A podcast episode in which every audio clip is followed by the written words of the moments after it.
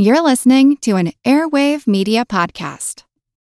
Hello, it is Ryan, and I was on a flight the other day playing one of my favorite social spin slot games on chumbacasino.com. I looked over the person sitting next to me, and you know what they were doing? They were also playing Chumba Casino. Coincidence? I think not. Everybody's loving having fun with it. Chumba Casino is home to hundreds of casino style games that you can play for free anytime, anywhere, even at 30,000 feet. So sign up now at chumbacasino.com to claim your free welcome bonus. That's chumbacasino.com and live the Chumba life. No purchase necessary. VGW Group. Void were prohibited by law. See terms and conditions. 18 plus.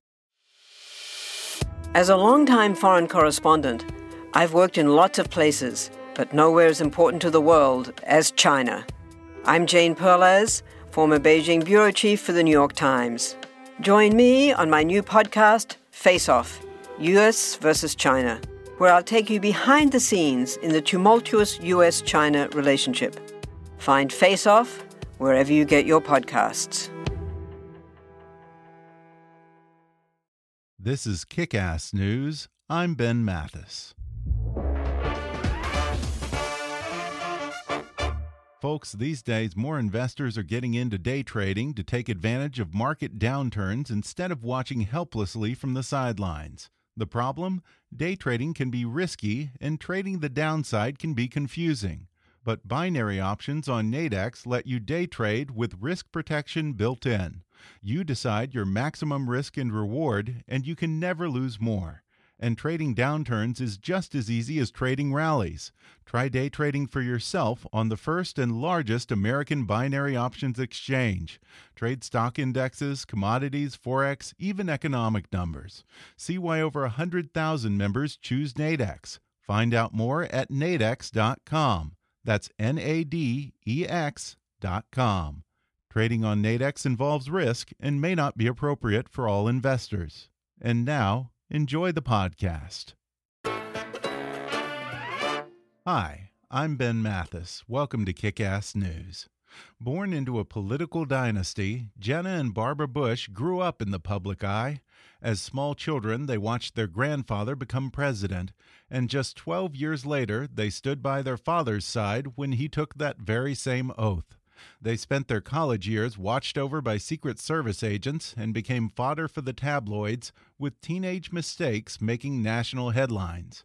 Now, in their number one New York Times bestseller, Sisters First Stories from Our Wild and Wonderful Life, Jenna and Barbara take readers on a revealing, thoughtful, and deeply personal tour behind the scenes of their lives as they share stories about their family, their unexpected adventures, their loves and losses, and the sisterly bond that means everything to them.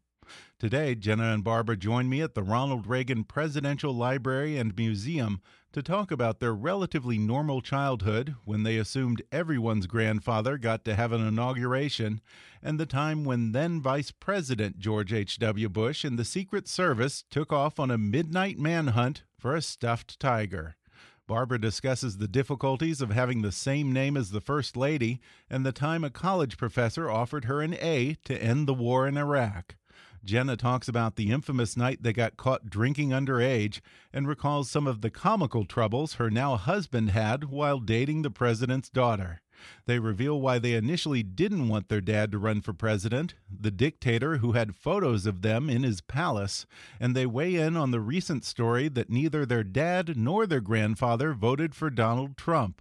Coming up with Jenna Bush Hager and Barbara Pierce Bush in just a moment.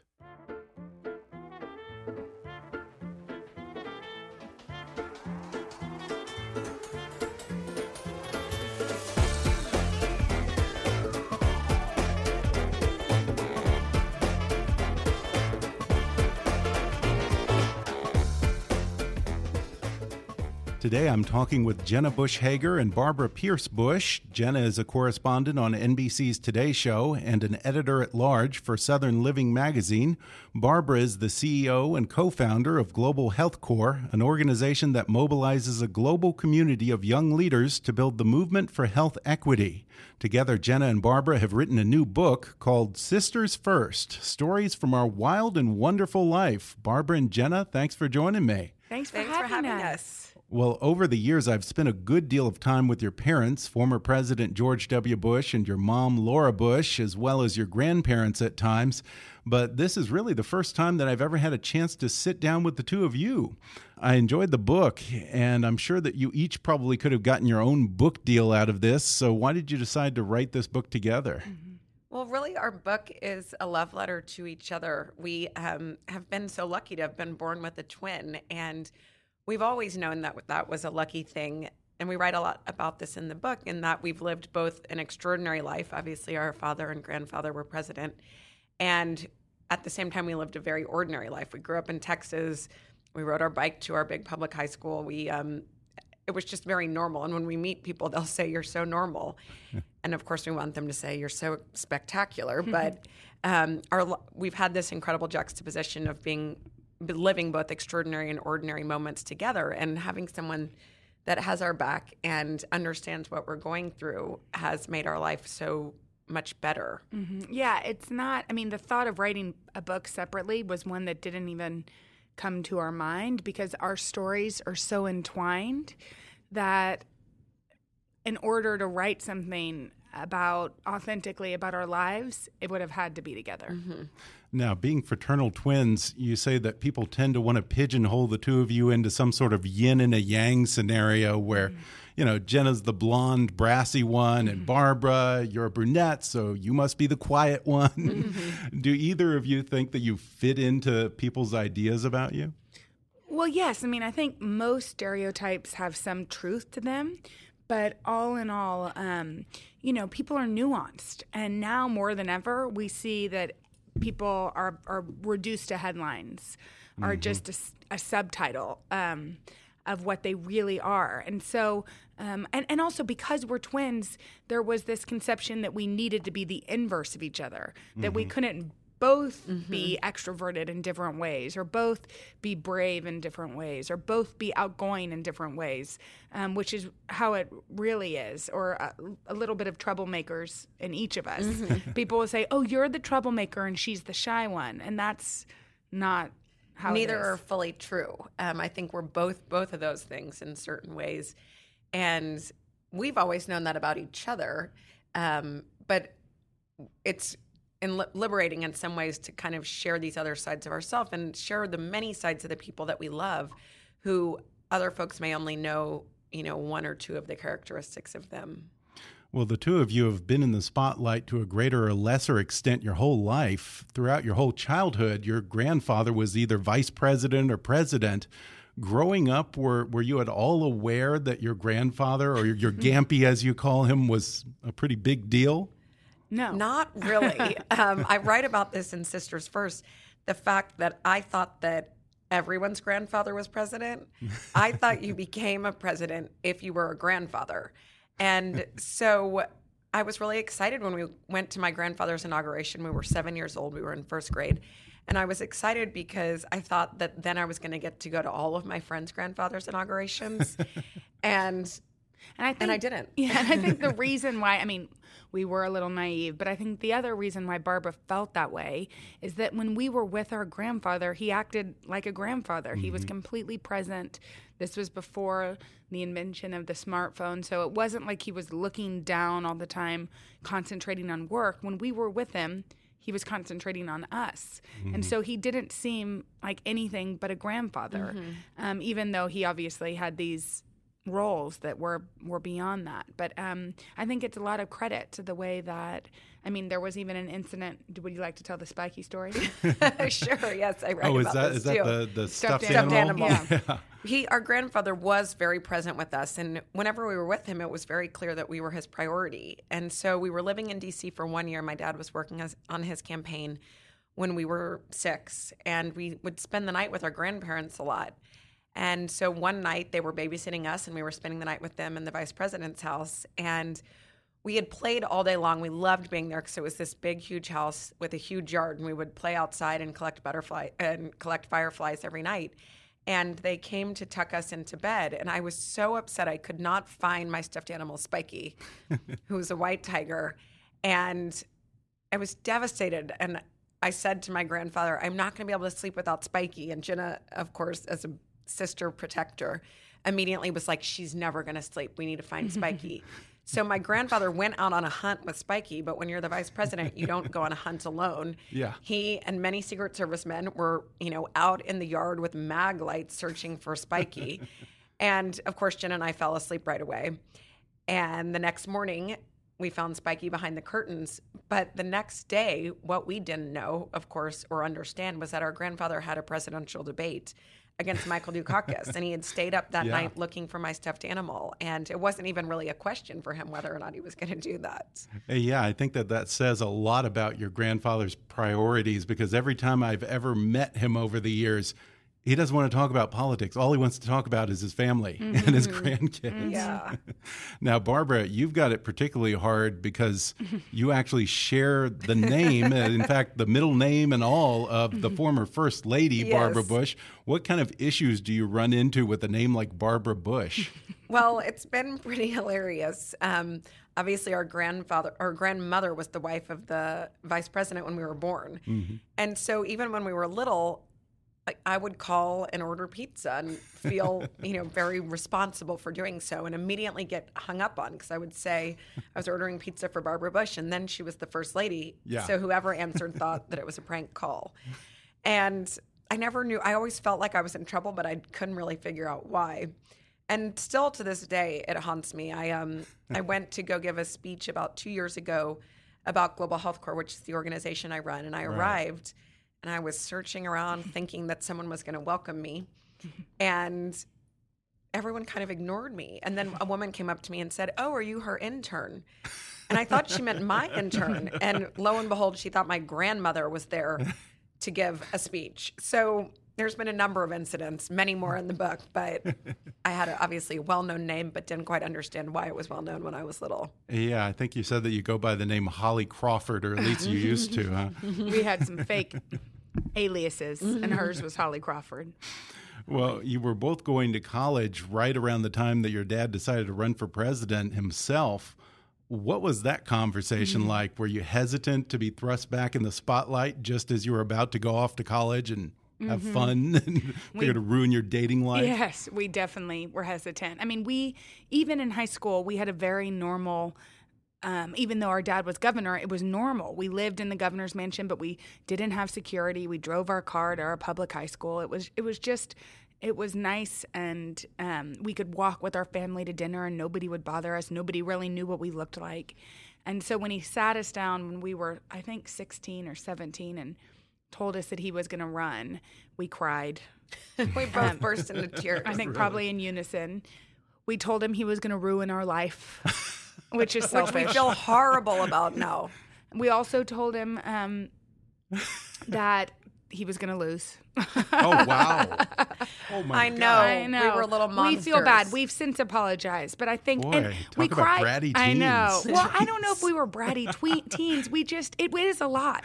You know. well, it's a- yeah, it it's is a a lot. lot. It's And a lot for for any daughter Yeah. of a president, um, because you are put up to not our parents never held us to these standards but you're held to the public's standards of perfection and it's hard for kids to be held to that to that standard. So you know we were quickly understood however the amazing privilege of living history. And our parents were so gener- generous to give us the opportunities that they did. We traveled the world with them. And so it was a moment and i think you know we're honest about it. That was how it felt in the moment. And I'm it, sure. it felt overwhelming. Um, but you know obviously he didn't ruin our life No, far from. Yeah, and I think you're right. People don't realize mm-hmm. That the leap from the governor's mansion. Yeah. to president, I mean, that's like traveling from Earth to Mars. Yeah, in it, terms it of seems silly, the and it amount also of attention. I don't think people like people will be like, well, why weren't you prepared? You know, our grandfather was president, but first of all, the world changed so much. Yeah. Um, and and I also don't think it's possible to be prepared, Mm-hmm. um, because you just don't know what's going to happen. Yeah. And so our dad kept saying, you can have a normal college career. It can be totally normal, and you know, obviously, we all learned it cannot be normal. Yeah. Now, you were both present for that roller coaster ride of an election night Mm-hmm. in 2000. Can you give us a fly on the wall version of that night from your perspectives? Mm-hmm. Yeah, I mean, it was a roller coaster, and that our memories, or at least my memories, are very roller coaster like. I remember um, there was so much back and forth. You know, uh, the news called Florida for Al Gore, and we definitely, you know, it felt like the wind was taken out of our sails that night. We were with our entire family. Everyone had flown to Texas to watch the election results together, which we'd done that twice before. Once when my grandfather Yeah. won, and once when our grandfather lost. And our family had probably done it more because he had Yeah, he had run, run before. for many things yeah. before. Right. And so it was, in some ways, familiar. I mean, we got to see our entire family a lot because of elections and conventions and so many um, bigger moments that revolve around politics. And so we were all together that night. And then it was this real back and forth. The news had called Florida for Al Gore. Then they retracted it. I mean, it really was like a ping pong ball. And then, uh, then Al Gore called to concede to my dad.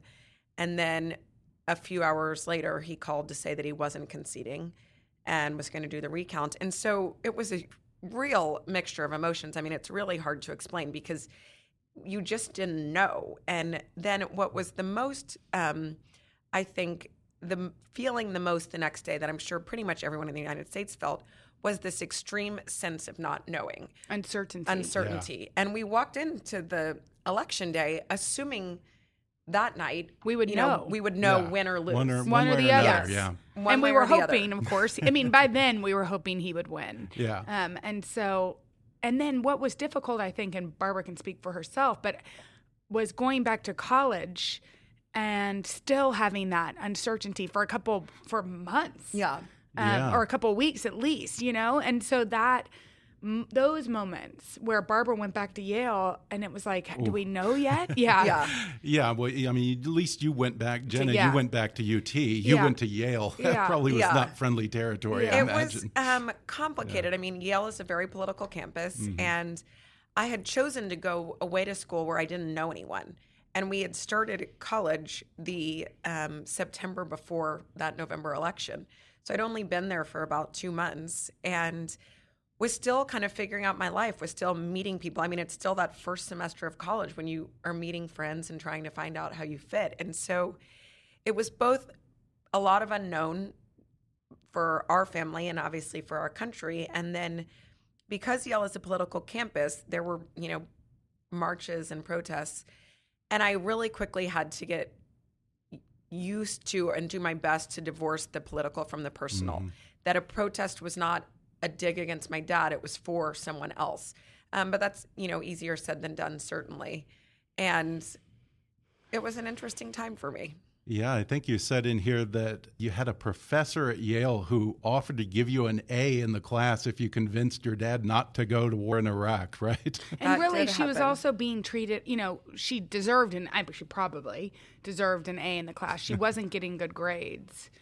I wasn't getting good Oh, grades. really? And um, in this one class, and I couldn't was a figure out why. there? Well, I don't know. I mean, I couldn't Who figure knows? out why. Yeah. And um, and I was doing the reading and doing the work, and that's what I couldn't figure out. So I went to meet with my TA to find out what I could be doing to get a better grade. And looking back, I'm very proud of myself for even going to do that. and um, when I met with her, she said, "I'll give you an A if you convince your dad not to go to war in Iraq."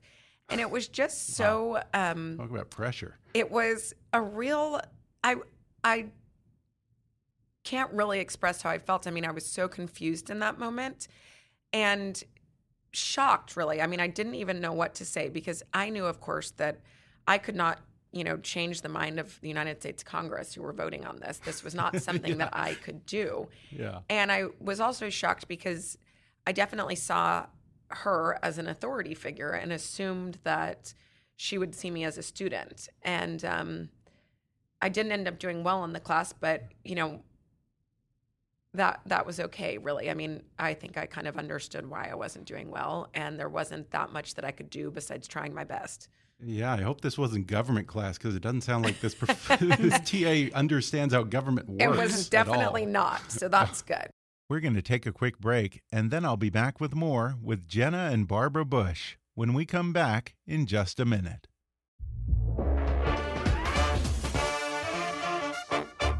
folks, I want to tell you about a terrific company I've been using for two years now, and I'm thrilled to finally have them as an advertiser on the show.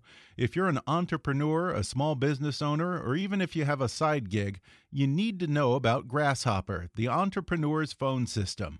Grasshopper lets you run your business from your cell phone while keeping your business and personal lives separate. Choose from Grasshopper's huge inventory of local, toll free, or vanity toll free numbers. Simply forward your new number to your mobile phone and start taking calls immediately. Whether you're in an office, in your car, or out shopping for the holidays, Grasshopper's iPhone and Android apps help you stay connected to your customers. Not to mention, you can send and receive calls and texts from your business phone number, set up multiple extensions for everyone on your team, get your voicemails transcribed and emailed to you, work from anywhere with call forwarding to make and receive calls from your computer via the desktop app, and even utilize Wi Fi calling. Better yet, Grasshopper offers an easy and instant setup and 24 7 customer support, all without any long term contracts. Be professional, responsive, and efficient with Grasshopper. Get your business phone number today. Go to grasshopper.com slash kick to get $20 off your first month. That's grasshopper.com slash kick. Today's episode is also sponsored by AppRiver. For business owners, the advancement of technology can be a double edged sword, since cyber criminals are using the same technology to cause data breaches as well as ransomware and phishing schemes. Fortunately, defending your business with high tech security solutions doesn't have to be complicated thanks to AppRiver. With cloud based services designed to protect your business from cyber attacks, AppRiver has you covered. Whether keeping spam and viruses out of your inbox or shielding your network from both external and internal web threats, AppRiver has proven technology that will keep your business ahead of the cyber curve, all without any additional hardware or software. They also offer enterprise grade email encryption and Office 365 to keep your business productivity dialed in. And all of this comes with a free, fully functional 30 day trial, so you can be sure that you're getting the technology your business needs. Plus, all AppRiver services are backed with around the clock phenomenal care customer service from real AppRiver employees who are experts at solving your problems. Visit appriver.com/kick to get started today. That's appriver.com slash kick. And now back to the podcast. Well, yeah, your dad promised you that you would be able to have a normal college life. And of course, you kind of did and you didn't. um, it was hard to escape the spotlight. And a few months after your dad was elected, of course, you both got caught drinking underage. yes. And there was all this righteous indignation from the media and the left because none of them had ever had a beer when they were in college. God forbid. Um, when you called your parents, how did they handle that? Well, a- you know, as I said earlier, their resp- his response to when we said, "Dad, this is going to really affect us," when he told us, was, "No, I promise you it won't. I promise you you can go to college and you can do everything and explore and have a normal college life." And that's what he said over and over again. Um, and I think you know people are probably like, "Well, how did you not know?" And it does. It seems in writing it now and when writing sisters first realizing how naive we were it we were unprepared um, for what it takes. But also um, and so i called and i said dad i'm in trouble. I'm so sorry. And his response was i'm sorry. You know i promised you normalcy and this is not normal. Um, and which is like which is a very loving thing for a father to say. And the other thing is it wasn't like they were like you've embarrassed us. You know this is they thought of us as kids who were allowed to make mistakes as children who could grow and learn and it's and I'm so grateful for that. I think we both are because even though as I said earlier other people held us up to this standard that's hard to meet, our parents didn't. You know, they were mm-hmm. allowing us to just be ourselves. And I think it's really important with other presidential children that we allow them to grow and learn and and fall and pick themselves back up again because uh, it's not it wasn't like we said dad we have a great idea. You run for president. We'll be the presidential daughters. We'll help you all along the way. I mean we had no choice. Um, and so his response was really apologetic. The first time, the second time, he was a little bit more like Jenna. Um, but all in all, Yeah. I think both times they knew that we were um, kids and that we were allowed to make mistakes. Yeah, and you talk about a pretty revealing moment when your dad went on a walk with you and Mm-hmm. talked about his own drinking and how how he dealt with that. What did he say to you then? that was years later. Mm-hmm. Um, but he one we were at a cous- our cousin's wedding, and of course the wedding went late, and um, and so he woke us up and he said, "Let's go on a walk," and he just talked about. He had a we he hadn't ever really because we don't remember him drinking. He stopped when we were five years old, so we've never really had conversations around alcohol because there wasn't much alcohol in our house. You yeah. know, nobody really drank. Um, and so he said, you know, I just want you to know it runs in our family. And he was brave. I mean, he talked about his struggle with it. Although his struggle with it was more that he just wanted, you know, it, he never went to rehab or did AA. He just made the decision to quit drinking. And so he just had a really honest conversation with us about alcohol, which is some, which is a brave thing for a parent to do. Yeah, it must have taken a lot of willpower for him to do that. Just quit cold Mm-hmm. He has a like lot of that. discipline. Yeah, Yeah, he's he extremely does. disciplined. Now, 2001, it sounds like was quite a crazy year for all of you because just a few months after all that, uh, of course, 9 11 happened. Uh, where were the two of you and what was that like for you guys? I was in my dorm room at Yale. Um, it was the beginning of my sophomore year, and I, my roommate and I woke up, and we woke up to our clock radio going off, and the radio announced that one of the twin towers had been hit, and so we thought it was an accident, like most people did, and we're getting dressed and getting ready for Yale for school that day, and um, and as we were listening to the radio, it announced the second twin tower had been hit. So obviously, then I think, you know, I and Jenna probably knew what happened the same way that the American public did. And it was that real state of shock. And my Secret Serviceman, Steve, came and got me immediately um, because he knew that we needed to get away from where we were just in case anything else were to happen. And it was a really moving day for me because my Secret Service team was all out of the New York field office, and Oh, yeah. their office was in World Trade Center Tower 7. So it wasn't one of the buildings that was hit, but it was one of the buildings that fell. And I was with all of them in a sterile office building. We were there, and then we ended up going to a motel off the highway later on. And I was with them as they were talking to their families and making sure that their families were okay and trying to call colleagues who had been in the office that morning to make sure they were okay, Wow. just as I was talking to my sister and I spoke to my mom. And um, we were all processing the same emotions together. And from then on, I became really close with my Secret Servicemen. It was like they were my brothers. And we ended up going to this hotel room, and it was such a stark contrast. Steve had his wife and his daughter come to um, meet him in Connecticut from New York because he wanted to be with his family that day and wanted to make sure they were okay.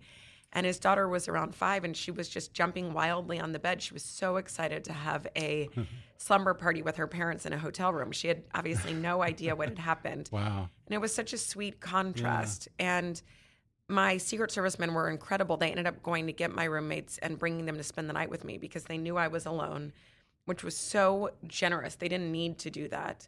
And I talked to my dad right before he walked on stage to address the nation. Um, we were able to talk because he had been flying. We weren't able to talk earlier because he was on Air Force One in the air for most of the day. Um, but it was a very surreal day in the way that I think it was for every single person in the United States or probably most people in the world. And my experience was a little different because I was really I was immediately taken to a hotel. Oh, right.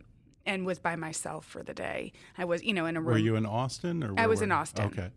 Um, and so it was the same thing. You know, we had the um, Today Show on, ironically, and um, only that now I work there. But um, and with my roommates and uh, the Secret Service, I looked out my window and I noticed that there were a lot of plastic chairs um, and Secret Service sitting in them. And at the time, one of the other sort of promises that our father told us is that we would have less Secret Service than than usual. That they would stay way Really? back again to keep sort of the normalcy.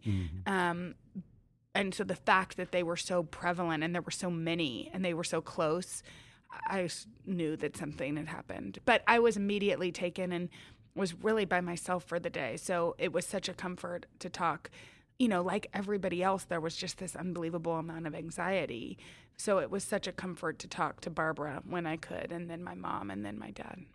Certainly, security must have amped up after 9 11. Mm-hmm. Um, I guess that was a real concern because uh, you say somewhere in here that after they had killed Uday Hussein, they found pictures of both of you among his porn stash. I mean, both of you were clothed, of Yeah, course. yeah, yeah. We were clothed. But uh, Um, when they entered his house afterwards, there were hundreds of pictures of women, and there were many pictures of us on the walls of his gym and in his house. And so, oh, I, it's creepy. you know, I mean, I think that that obviously, of course, after September 11th, we understood why we needed security, and then there were. Other, I mean, the whole world changed, and Oh, that was just part of it. Yeah.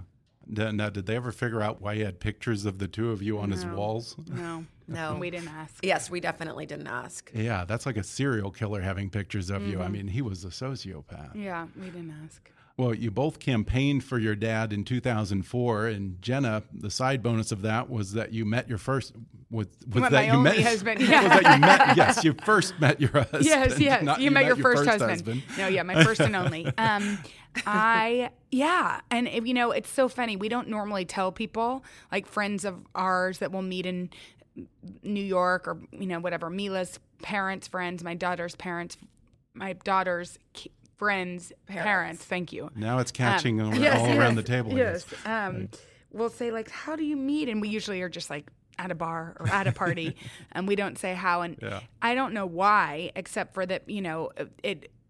I I think one, it makes Henry feel uncomfortable that he even he's like, was I that type of guy that had the bravado to ask my boss's daughter out?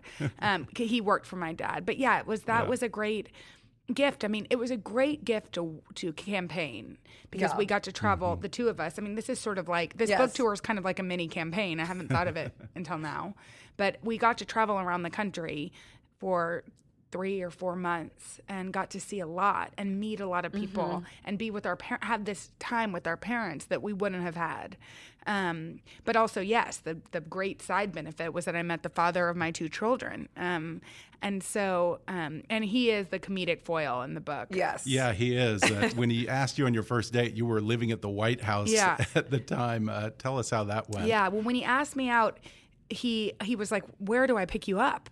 And I said the White House, and he was like, "Wait, how, what do you mean? I just drive right in? How do I pick you up?"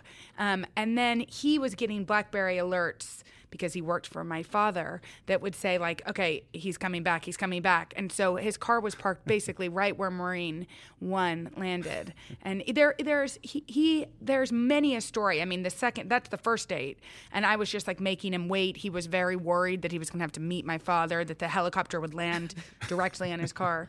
The second date, his car ran out of gas and rolled backwards into the Secret Service car. so he- that's how he met the Secret Service. There's more. There's so much There's more. so much more where that came from. now, when Henry asked your dad's permission to marry you, uh, what was your dad's advice to him? Well, first, Henry had like a whole thing written up, like a speech prepared to give to my dad to convince him. And my dad's like, you know, he's like, I want to marry. He's like, Laura, Henry's asking. And he's like, well, I didn't even tell you like how I, he's like, I don't need to know. The answer is yes, Henry. And then he did say she can be a pain in the ass. I feel bad saying that word. I was like, thanks, dad. he did henry did do a very clutch move that's very sisters first is he asked me for my p- Right. permission before he asked my dad which means he really knew us. Yeah, he gets that it. was such a sweet thing to do Now, Barbara, you talk about reaching a point where you started to form your own political opinions, and they sometimes diverge from those of your father, particularly on the subject of gay rights.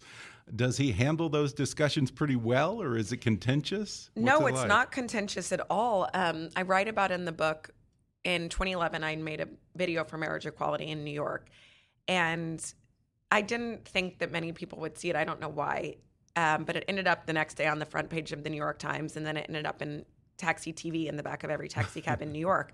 Um, and before after doing that people would come up to me on the street and say things like you know thanks for doing that.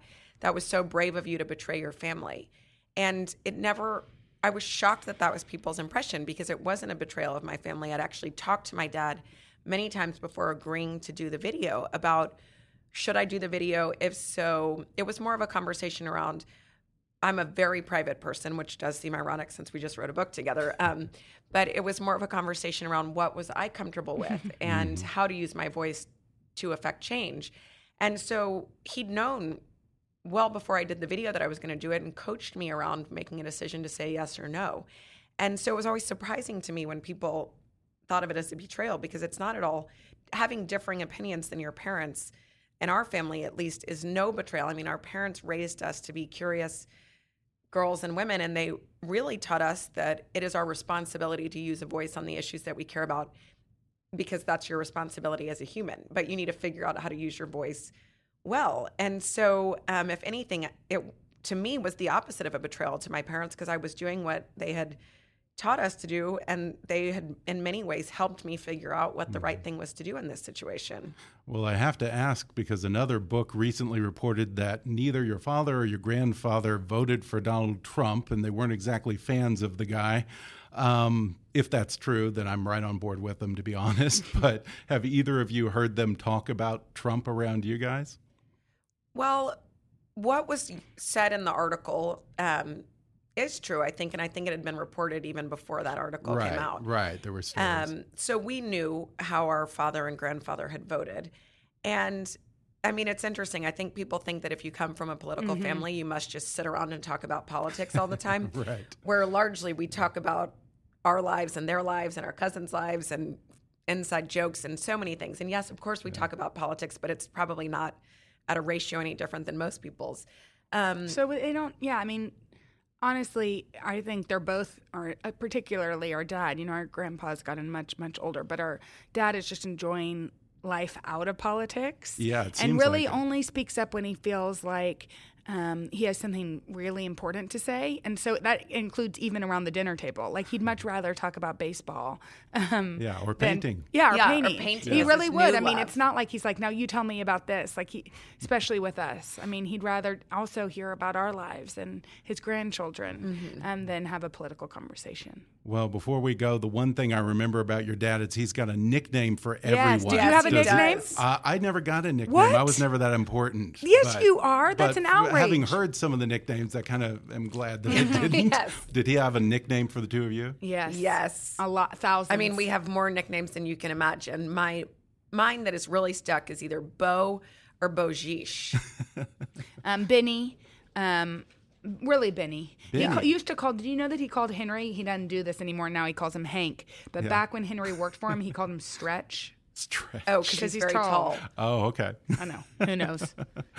well, once again, the book is called Sisters First Stories of Our Wild and Wonderful Life. Jenna and Barbara, thanks for talking with Thanks me. Thanks for Thank having you. us.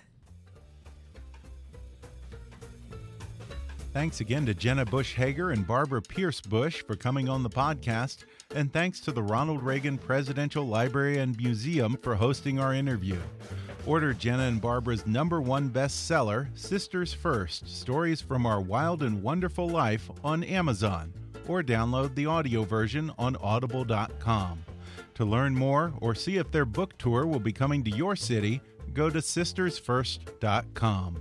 You can catch Jenna on the Today Show on NBC and follow her on Twitter at, at Jenna Bush Hager. And to learn more or donate to Barbara's terrific charity, Global Health Corps, visit ghcorps.org and you can follow them on Twitter at, at ghcorps. Today's episode was sponsored by Nadex. You know, more investors are getting into day trading to take advantage of market downturns instead of watching helplessly from the sidelines. The problem? Day trading can be risky, and trading the downside can be confusing. But binary options on Nadex let you day trade with risk protection built in. You decide your maximum risk and reward, and you can never lose more.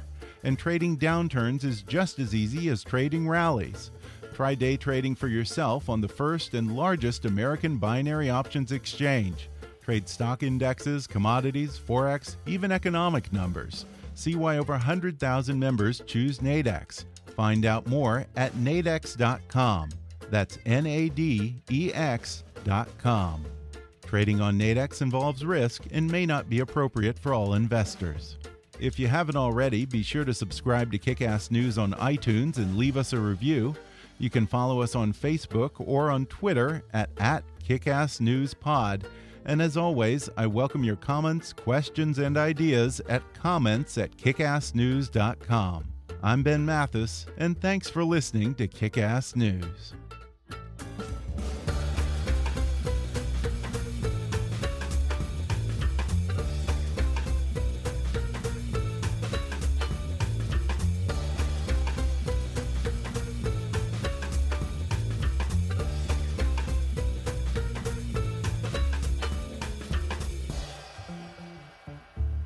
Kickass News is a trademark of Mathis Entertainment, Inc.